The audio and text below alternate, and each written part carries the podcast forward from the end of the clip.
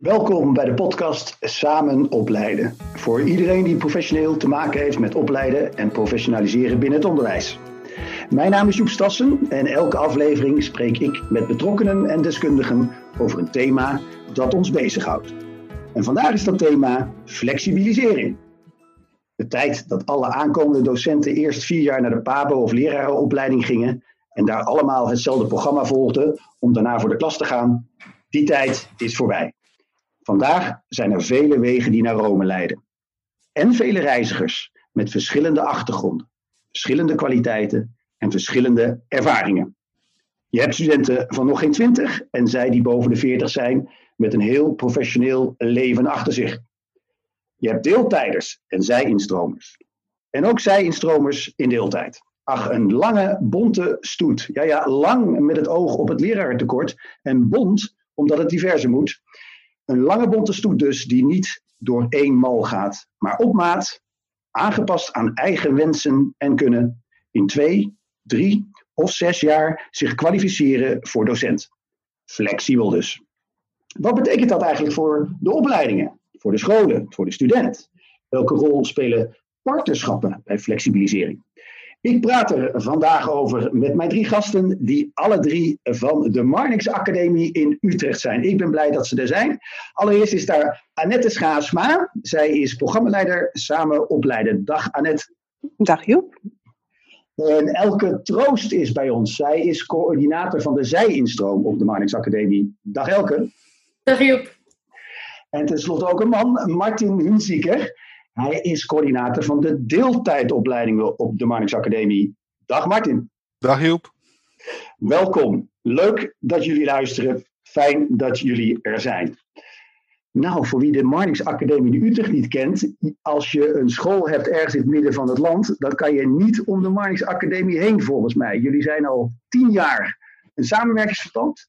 Jullie hebben 350 verschillende scholen in het arsenaal die met jullie werken. Uh, 36 schoolbesturen. Poe, poe, poe. Dat is een hele grote school, Annette. Klopt dat? Ja, dat klopt, ja. We zijn uh, als Marnix Academie uh, de grootste PABO van Nederland. Wij leiden heel veel aankomen, of wij leiden leraren op voor het basisonderwijs. En dat doen we inderdaad al ruim tien jaar met uh, 340 partners in het veld. 34 besturen, 350 opleidingsscholen. Wij denken dat je leraren het best op kan leiden als je dat intensief samen doet met het veld. Ja, ja ik, snap, ik snap het voordeel van zo'n, van zo'n grote school. Er zal nogal wat kwaliteit en wat competenties daar binnen jullie poorten rondlopen en ook daarbuiten. Maar het lijkt me ook complex, zeg. Um, ja, aan de ene kant is het misschien complex, maar we zijn allemaal met hetzelfde bezig. Namelijk zo goed mogelijk leraren opleiden, zoveel mogelijk leraren opleiden zodat we um, nou, um, uh, goed onderwijs kunnen blijven verzorgen met elkaar. En nou, nee, dat is niet zo complex. Dat is een uh, heel belangrijke focus van, uh, van het werk wat we hier doen. Oké, nou, we gaan vandaag praten over flexibilisering. En eigenlijk zijn daar, zouden we twee hoofd, hoofdstromen daarin kunnen onderscheiden. Hè? Die van deeltijd en die van zij-instroom. Vandaar dat Elke hier is, coördinator zij-instroom. En vandaar dat Martin hier is, coördinator van de deeltijd. Um, voordat ik met Elke en Martin ga praten over deze twee hoofdstromen, uh, zou jij kunnen zeggen, Annette, wat is uh, de visie van, Marne, van de Marnix Academie op flexibilisering? Wat houdt het bij jullie in? Um, nou, wat we, wat we willen is zoveel mogelijk uh, leraren opleiden en zoveel mogelijk mensen ook een opleiding bieden die bij hen past. En nou, wat je in je inleiding al heel mooi zei, is dat opleiden niet meer vier jaar PABO is, uh, HAVO en dan uh, na de PABO. Maar dat er ook heel veel mensen zijn die later uh, in hun loopbaan of in hun carrière denken: hé, hey, leerkracht zijn, dat is echt een beroep wat ik graag wil doen. Dan beteken ik iets voor de samenleving. Of, um, nou, ik heb het vroeger altijd al gewild, maar ik wil nu toch naar de PABO. En wij willen al die mensen een, een, nou, een een opleiding geven, bieden die bij hen past en die hen zo goed mogelijk voorbereidt op, uh, op het beroep van leraar basisonderwijs. Ja, en die bij deze tijd past, neem ik aan. En wat bedoel je dan met deze tijd? Nou ja, leren anno 2020 is toch totaal anders dan pak een beetje 30 jaar geleden. We hebben toch ja. veel meer kennis en onderzoek gedaan dat we weten wat effectief is? Ja, zeker, zeker. En het onderwijs verandert natuurlijk ook. En ehm, ehm, nou, als je het samen, samen opleidt met het veld, dan moet je ook aansluiten bij de behoeftes van het veld, de vragen die komen uit het veld en uit de maatschappij. Dus zeker, het, uh, ja, dat uh, bepaalt ook hoe de opleiding eruit ziet. Ja, dus flexibilisering bij jullie, bij de Marnix, dat is iets uh, waar behoefte aan is, waar vraag naar is en waar jullie op gereageerd hebben. ja, steeds meer vragen. En dat heeft wel heel erg te maken met het lerarentekort, waar we zien dat scholen vroeger ook nog wel huiverig waren voor deeltijders en zij-instromers. Want die hadden natuurlijk toch een andere achtergrond. Die nemen bepaalde beelden en expertise mee. Dat was ook soms spannend. Ja. Nu zien we dat die omarmd worden in het onderwijs en ook echt. Uh, ja, want hoe zie, je dat in de, hoe zie je dat in de aantallen terug? Net als je kijkt van wat is het aandeel deeltijders, wat is het aantal zij-instromers en wat is het aandeel voltijds? Nou, we zien dat de deeltijd echt groeit. Dus dat de deeltijd uh, nou, echt een substantieel deel uitmaakt. We zijn dit jaar gestart in september met uh, ongeveer 200 deeltijdstudenten, nieuwe deeltijdstudenten. Uh, uh, 300 voltijdstudenten. En nou, we hebben op dit moment 173 zij-instromers in huis. Er zijn dit jaar 53 gestart. Okay. Dus dat zijn de aantallen. Ja. ja. Martin, Martin ja. Hunziker, jij bent coördinator van de deeltijd. 200 ja. studenten binnengekregen dit jaar? Bijna, ja. Ja. En? Hoe ziet zo'n deeltijdstudent eruit? dat is een goede vraag. Nou, dat wisselt nogal. Daar zit zeg maar de, de, uh, diegene die jij noemde, van de, de 40-plusser die al een hele carrière achter de rug heeft. En die besloten heeft om de een of andere reden om uh, leraar te willen worden. En dat bedoel ik met één, dat zijn verschillende redenen. Uh, als we met ze praten, dan zijn, is er een groep die eigenlijk altijd al leraar wilde worden. Uh, maar waarbij de omgeving zei, dat ga je toch niet doen met jouw capaciteiten als VWO'er bijvoorbeeld. En die na, na een carrière uh, ontdekken dat ze toch dat, die oude, nou, dat, dat oude gevoel willen volgen. Ja. ja. Uh, er is een groep 40-plussers, moet niet op dat getal af. het kunnen ook 30-plussers zijn die, die om andere redenen het willen, die hard gewerkt hebben, maar het niet betekenisvol genoeg vinden wat ze doen. Maar er is ook een, hele, een best wel een grote groep jongere studenten, bijvoorbeeld uh, pedagogiekstudenten, orthopedagogen die 3, 4, 25 zijn, soms net afgestudeerd pedagoog en uh, denken, ja, ik zit hier nu met kleine groepjes uh, in een klaslokaal te werken of ik adviseer leerkrachten om bij, bij kinderen bepaalde aanpakken uit te proberen en dat soort dingen. Maar die denken, ik wil het echte werk eigenlijk ook kunnen. Ja. en alles daartussenin. Ja, oké. Dus dat is, dat is een groep en die kiest voor deeltijd. Hoe lang doen ze er dan over? Nou, onze deeltijdopleiding, uh, want het varieert ook wel een beetje per instelling, maar onze deeltijdopleiding is een opleiding van drie jaar in principe. Drie jaar. Um, en in de praktijk um, kan je dan een half jaar vrijstelling krijgen als je al onderzoekservaring hebt. Nou, iedereen met een WO-achtergrond heeft dat al. Dus, uh, dus dan zijn in de praktijk is een hele grote groep die uh, in 2,5 jaar de opleiding doorloopt. Ja, je bent, uh, je bent uh, deeltijdstudent, maar je kan ook als zij-instromer elke kan je, je aanmelden. Wat is het verschil? Het verschil is dat zij-instromers die doen eerst een geschiktheidsonderzoek. En als ze daar doorheen komen, dan um, gaan ze eigenlijk direct voor de klas, ook betaald als leerkracht, maar ook met de verantwoordelijkheid van een leerkracht, terwijl ze zich dan nog in maximaal twee jaar opleiden tot startbekwaam leerkracht. Dus in het geschiktheidsonderzoek wordt een soort basisniveau vastgesteld. En ook een bepaald leervermogen om binnen twee jaar je eigenlijk te ontwikkelen tot hetzelfde niveau als, uh, als een deeltijder. Ja, en dat geschiktheidsonderzoek, wat, wat zijn daar belangrijke competenties, criteria waar jullie naar kijken? Of jullie? Wie, kijkt, wie doet eigenlijk dat onderzoek? Ja, dat doet uh, het Marnix Onderwijscentrum. Dat is uh, bij ons de, de contractpoot eigenlijk van de Marnix Academie. Uh, en zij doen het geschiktheidsonderzoek en daarbij kijken ze uh, nou, voor een deel naar wat heeft de, deze kandidaat al gedaan, wat voor opleidingen heeft hij al, maar ook wat voor praktijkervaring. Dus er wordt een soort portfolio wordt daarvan opgesteld. En ze krijgen een aantal uh, soort casussen vanuit de praktijk voorgelegd, die ze dan, uh, nou ja, waar ze een soort antwoord op moeten formuleren. En ze gaan in de praktijk een les geven en daarover voeren ze dan een gesprek met de assessoren. Ja. En als dat allemaal goed gaat, dan, uh, dan krijgen ze een tijdelijke geschiktheidsverklaring. En, ja, wordt er ook al getoetst op de motivatie? ja, daar, wordt ook, daar gaat het gesprek ook over.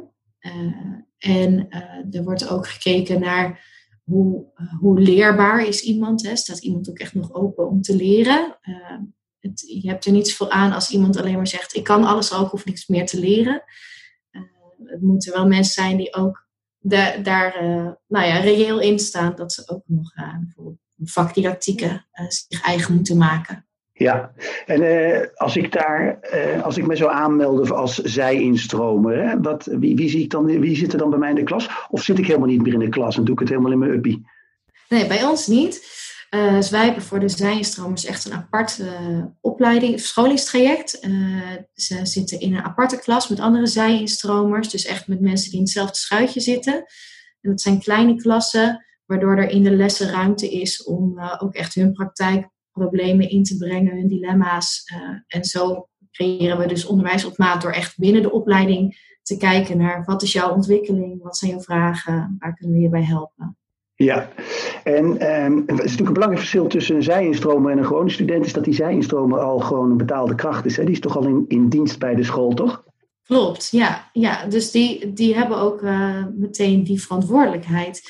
En uh, we zien daarbij wel dat het heel veel verschil maakt of zij op een school terechtkomen waar er toch die eerste maanden nog wel een soort achtervang is, een begeleiding, iemand die ook doet aan co-teaching. Uh, of dat zo'n zijnstromer echt meteen vanaf dag één zo het diepe ingegooid wordt. Uh, we zien dat degene die echt ook nog begeleiding krijgen aan het begin, dat die zich veel beter ontwikkelen en veel meer leren ook nog van de opleiding. Terwijl de anderen die zijn echt aan het overleven als ze meteen ja. helemaal zelf moeten doen. Ja, en dan een laatste belangrijk verschil is dat een, uh, een zijstromer die verlaat de opleiding, als je dat zo mag zeggen, zonder diploma, maar met een certificaat. Is dat juist? Klopt, ja. Zij krijgen eigenlijk een soort lesbevoegdheid, certificaat. Uh, zij volgen namelijk echt maar een fractie van de opleiding die een deeltijder doet. Dus je moet je voorstellen, deeltijders die zijn hier 2,5, 3 jaar lang, zijn die hier of één hele dag in de week of twee avonden. De zijnstromers die zijn hier maximaal twee jaar, soms nog iets korter. één avond van drie uurtjes in de oh, ja. Dus ze krijgen echt maar een klein deel. Er komt heel veel op zelfstudie en uh, transfervermogen komt er aan. Maar het is dus niet, uh, ja, ze krijgen gewoon veel minder inhoud, krijgen ze mee dan de deeltijd. Ja, en zitten ze überhaupt wel eens bij elkaar uh, in Utrecht? in hetzelfde lokaal voor eenzelfde gastcollege of zo? Of is het twee gescheiden werelden? Nee, eigenlijk niet. Dus ze zitten wel bij elkaar in het gebouw en ze hebben ook wel tegelijkertijd pauze. Dus soms zie je dat ze daar dan wel dan gaan ze eten hier op de, op de Marnix Academie en dan hebben ze gesprekken met elkaar. Uh, voorheen zaten ze wel erbij bij de deeltijd, maar we merkten dat de doelgroep zo anders is dan de deeltijd, dat ze ook echt andere onderwijsbehoeften hebben. Dus dat het heel mooi is dat we zulke aantallen hebben dat we een apart curriculum voor hen kunnen draaien. Ja, Annette, we hebben eventjes een korte schets gemaakt van de twee grote hoofdstromen in flexibilisering. Maar ja, we hebben nog wel een, andere variant. We hebben nog een Laat me variant. Horen. Ja, Daar ben ik wij, wij, wij, hebben namelijk ook de gulden middenweg, noemen we dat. En dat is ook echt de gulden middenweg tussen deeltijd en zij. Ja, is echt, nou nee, nee. Het is echt een gulden middenweg. En het is een, um, een, een, variant um, waarbij we um, deeltijdstudenten die één jaar gestudeerd hebben op de Marnix Academie de stage, het praktijkleren met een, een goed hebben afgesloten en alle studiepunten hebben behaald, die mogen ook, net als de zij instromen, um, uh, als leraar voor de groep. Um, uh, die mogen door scholen worden aangesteld in de formatie en een groep draaien. En dat heeft het ministerie ook, uh, de regeling van het ministerie heet versneld voor de klas. Wij noemen dat dus de Gulden Middag en we waren er al een jaar mee bezig. En we hebben die vorm nu ook breder uitgezet in het partnerschap. En we zien dat deze variant ook door scholen wel echt omarmd wordt. Dus als er een deeltijdstudent is die succesvol is, die uh, nou, een bestuur graag wil behouden, dan kan die dus ingezet worden in de formatie. Maar volgt die daarnaast de deeltijdopleiding. Ja, hey, en Annette, als ik gewoon de, zeg maar, de normale uh, uh, voltijdstudent aan, aan de PABO bijvoorbeeld, in hoeverre ja. heeft zij of hij te maken met flexibilisering? Hoe ziet het curriculum er nu uit? Zijn er al flexibele ingrediënten, neem ik aan? Um, nou, wat, uh, nee, niet echt. We zien wel dat studenten enorm. Um, um, er wordt enorm aan studenten getrokken eigenlijk. Hè? Want uh, als ze het goed doen en ze zitten lekker in een team, dan wil die school ook graag dat ze al snel een groep gaan draaien. En wij hebben met bestuurders daar heel veel over gesproken en wij hechten heel erg aan de kwaliteit. Dus wij zeggen ook tegen schoolopleiders: kijk goed wat die student nodig heeft. Uh, zet een student niet zomaar voor de groep, want de student is aan het leren, die heeft begeleiding nodig, die heeft een voorbeeld nodig. En we willen ze behouden. Kijk, we kunnen ze voor de klas zetten, maar het gevaar dat ze af gaan branden is dan aanwezig. Wat we wel hebben, is natuurlijk een uh, LIO, uh, een vierdejaars, die een groep kan gaan draaien. Dus, en daar, we zien veel meer dat scholen daar gebruik van maken van die variant. Dus een LIO die gewoon twee dagen een, een groep heeft in het vierde jaar. Ehm, maar dat is niet, flex, ja, niet flexibel in de zin zoals we het er nu over hebben. Een voltijdopleiding duurt eigenlijk gewoon standaard vier jaar. Ja. Waarbij je dus al wel, ja. Tenzij je de driejarige doet, Joep. We hebben ook nog iets moeten hebben. We hebben, dat maakt het wel iets flexibeler voor, de, voor onze eerstejaars met VWO-denkniveau. Dat zijn havisten die een aanvullende toets hebben gedaan. En VWO'ers is er een driejarig traject, voltijd traject. Oké. Dus wat we, ja, je kan, kan, je zeggen, is dat flexibel? wat we in ieder geval proberen is steeds meer verschillende routes ja. te bedenken. Die bij de verschillende doelgroepen passen om leerkracht basisonderwijs te worden. Nou ja, daar hoort dus een gewone voltijdsvariant uh, bij, een driejarige voltijdsvariant en dan de varianten die we net hebben genoemd. Ja, ja.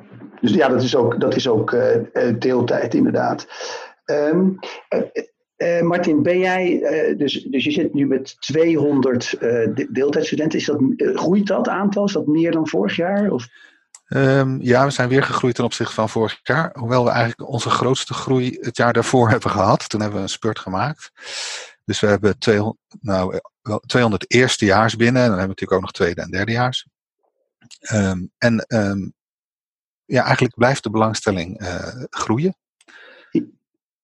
En dat is eigenlijk best opmerkelijk als je ziet hoe het onderwijs in het nieuws is, vind ik. He, dus mensen, er zijn toch mensen, veel mensen die besluiten uh, dat vak te kiezen waar ja. zoveel om te doen is.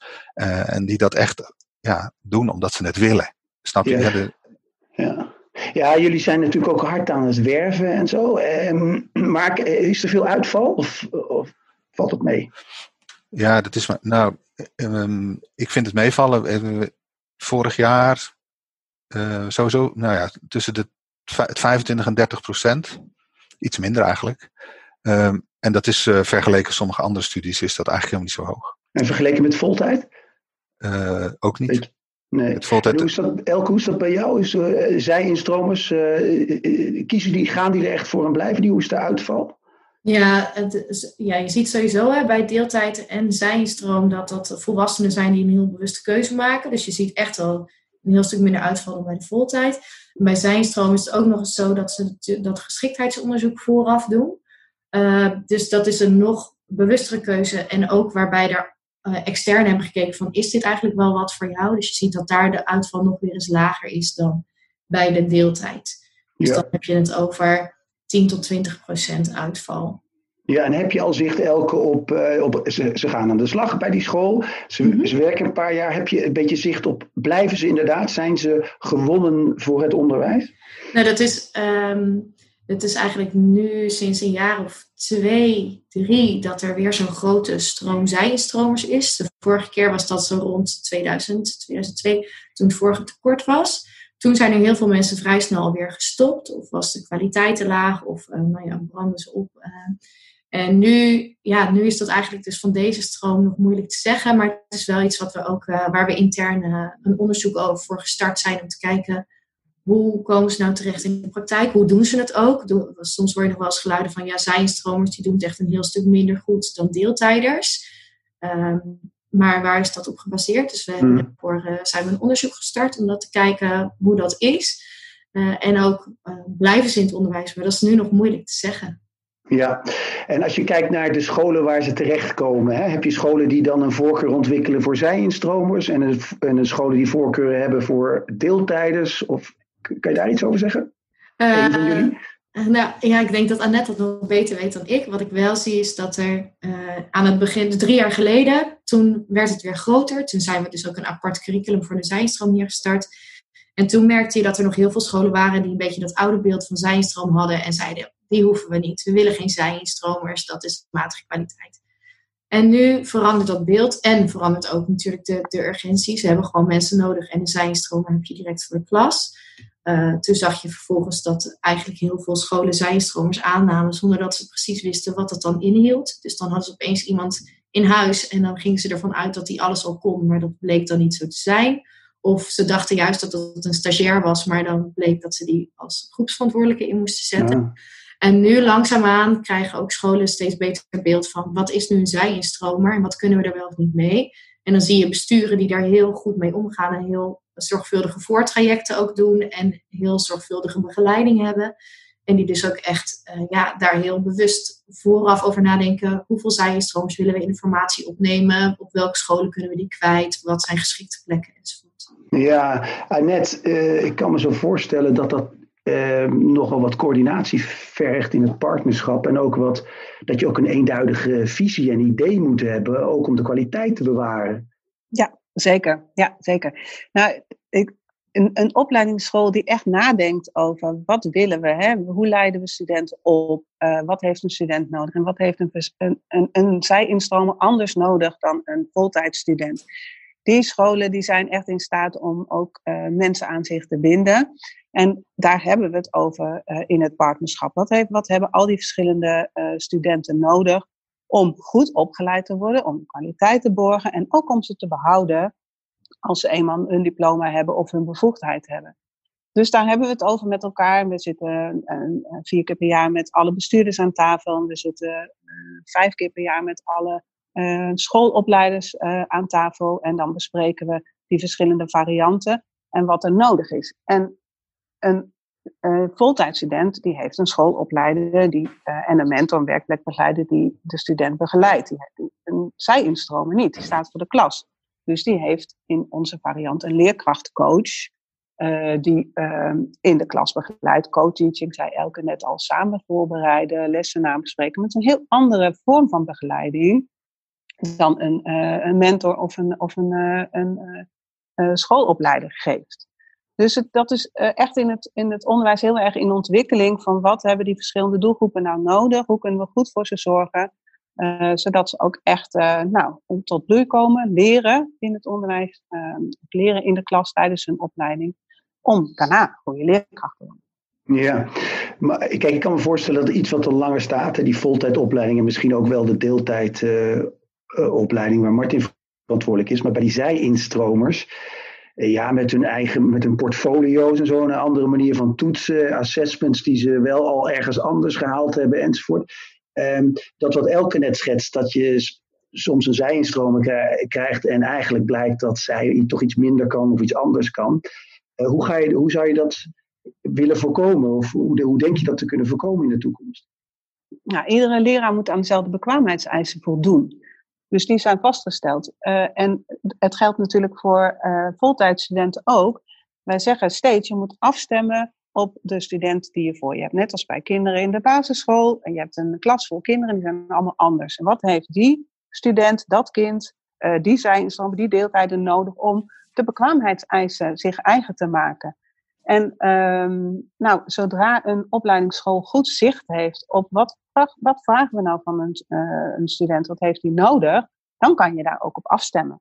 Hmm. En dat betekent dat je je heel erg bewust moet zijn van, nou, wie heb ik voor me? Yeah. En uh, nou ja, vroeger was het zo, je kreeg een student en iedereen deed hetzelfde. En nu krijg je een student en je gaat eerst een gesprek voeren. Wie ben jij? Wat heb je nodig? Wat heb je te leren? Wat heb je van mij nodig?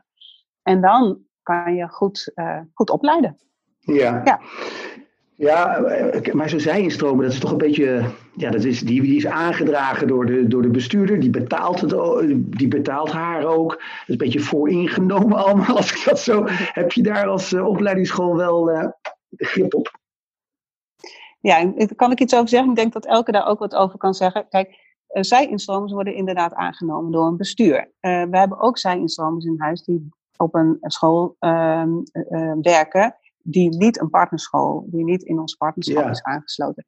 Dan hebben we natuurlijk wel contact met die school, maar dan hebben we niet die gesprekken waar ik het net over had, van hoe ga je daar nou mee om?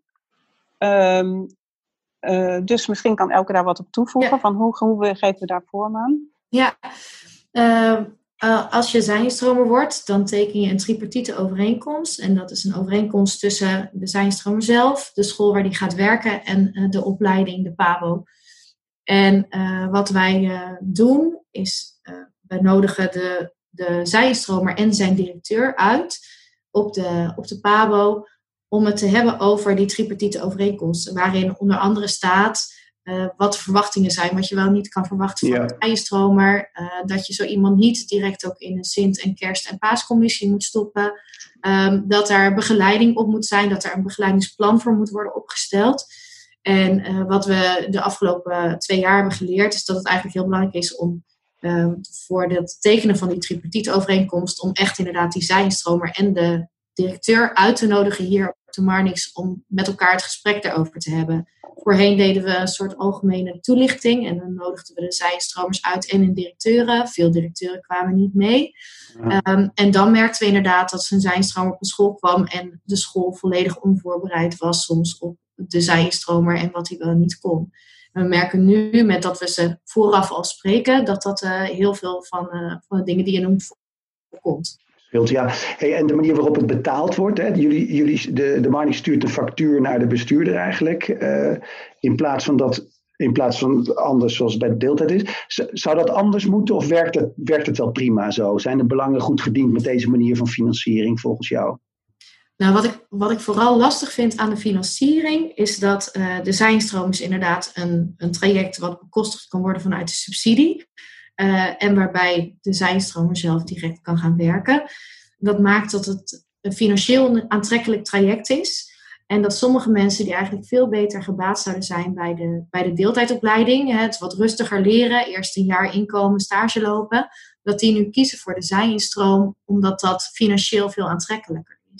Ja. Um, verder qua hoe de, hoe de geldstromen lopen, lopen, daar heb ik nog nooit echt klachten over gehoord. Behalve dat de praktijk soms zegt: het zou fijn zijn als er nog meer subsidie beschikbaar zou zijn voor de praktijk om die begeleiding goed te regelen, te bekostigen. Dat er iemand uh, vrij geroosterd kan worden om uh, de zijnstromer te helpen. Ja, Martin. Ja, nou ja, de, ga je gang. De, wat wel een, in de financiering iets geks is, hè, die, we hadden het net over de gulden middenwegregeling.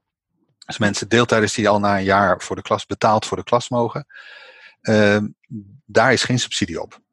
Dus voor scholen is dat een uh, uh, vrij lange, vrij dure variant. Als je een zijnstroom aanneemt, kan je van die subsidiepot gebruik maken.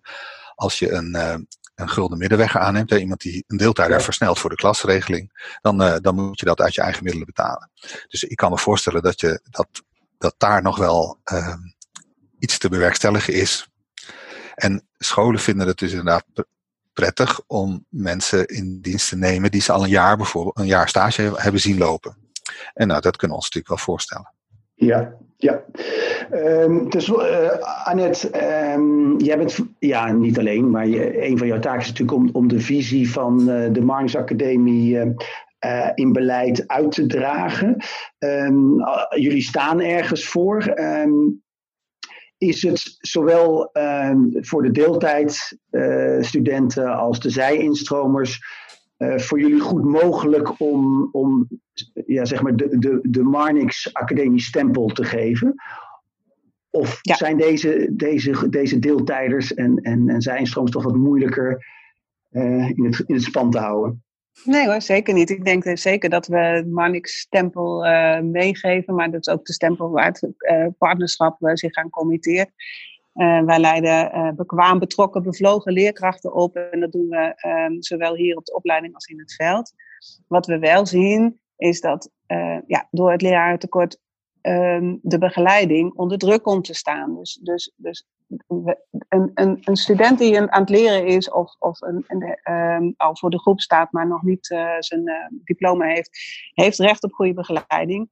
Maar kinderen hebben recht op een juf of meester voor de klas en dat wringt soms. Dus um, nou, dat, dat proberen met elkaar die kwaliteit goed te bewaken. Ja, nou, laten we even verder kijken dan de opleiding alleen. Hè? Want uh, het platform gaat over samen opleiden en professionaliseren. Dat professionaliseren dat gaat over de tijd na de opleiding. De eerste paar jaren die noemen we inductie.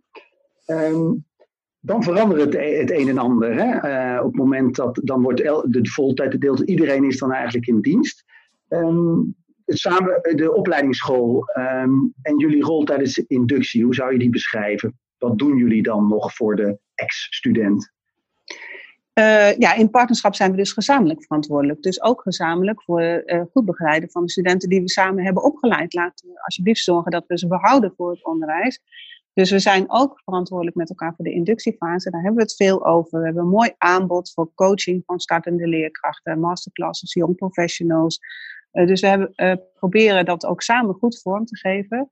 En wat ook heel erg helpt, is dat we doordrongen zijn van het feit dat een student die de PABO heeft gedaan niet klaar is. Je bent altijd, je blijft leren. Ja, is de student er zelf ook van bewust? Nou, dat steeds meer. We, we, we, er lag vaak een enorme druk op studenten van straks moet ik het allemaal alleen kunnen. En we zien nu in scholen dat die begeleiding, uh, nou, dat, dat, dat er ook echt nog veel ruimte is om te leren in die inductiefase. Ja. ja. je zegt je hebt een mooi aanbod, um, maar uh, is in, inductie, in, in, de inductiefase ook zoiets als toetsing of een examen wat je moet doen, of is het allemaal vrijblijvend? Nou ja, dan eh, verschuift die verantwoordelijkheid dus naar de werkgever. Dus niet meer voor de, naar de Marnix Academie. Maar een student groeit in die eerste fase van basis naar vakbekwaam, ik geloof dat ik het goed zeg. Uh, en dat is de verantwoordelijkheid van de, van de uh, schoolleider. Ja. ja. ja, maar goed, jullie, ja, jullie willen de kwaliteit van die, van die inductie moeten jullie op een of andere manier bewaken, toch? Je moet wel zorgen dat je iets hoogstaans biedt aan die beginnende leraar, toch?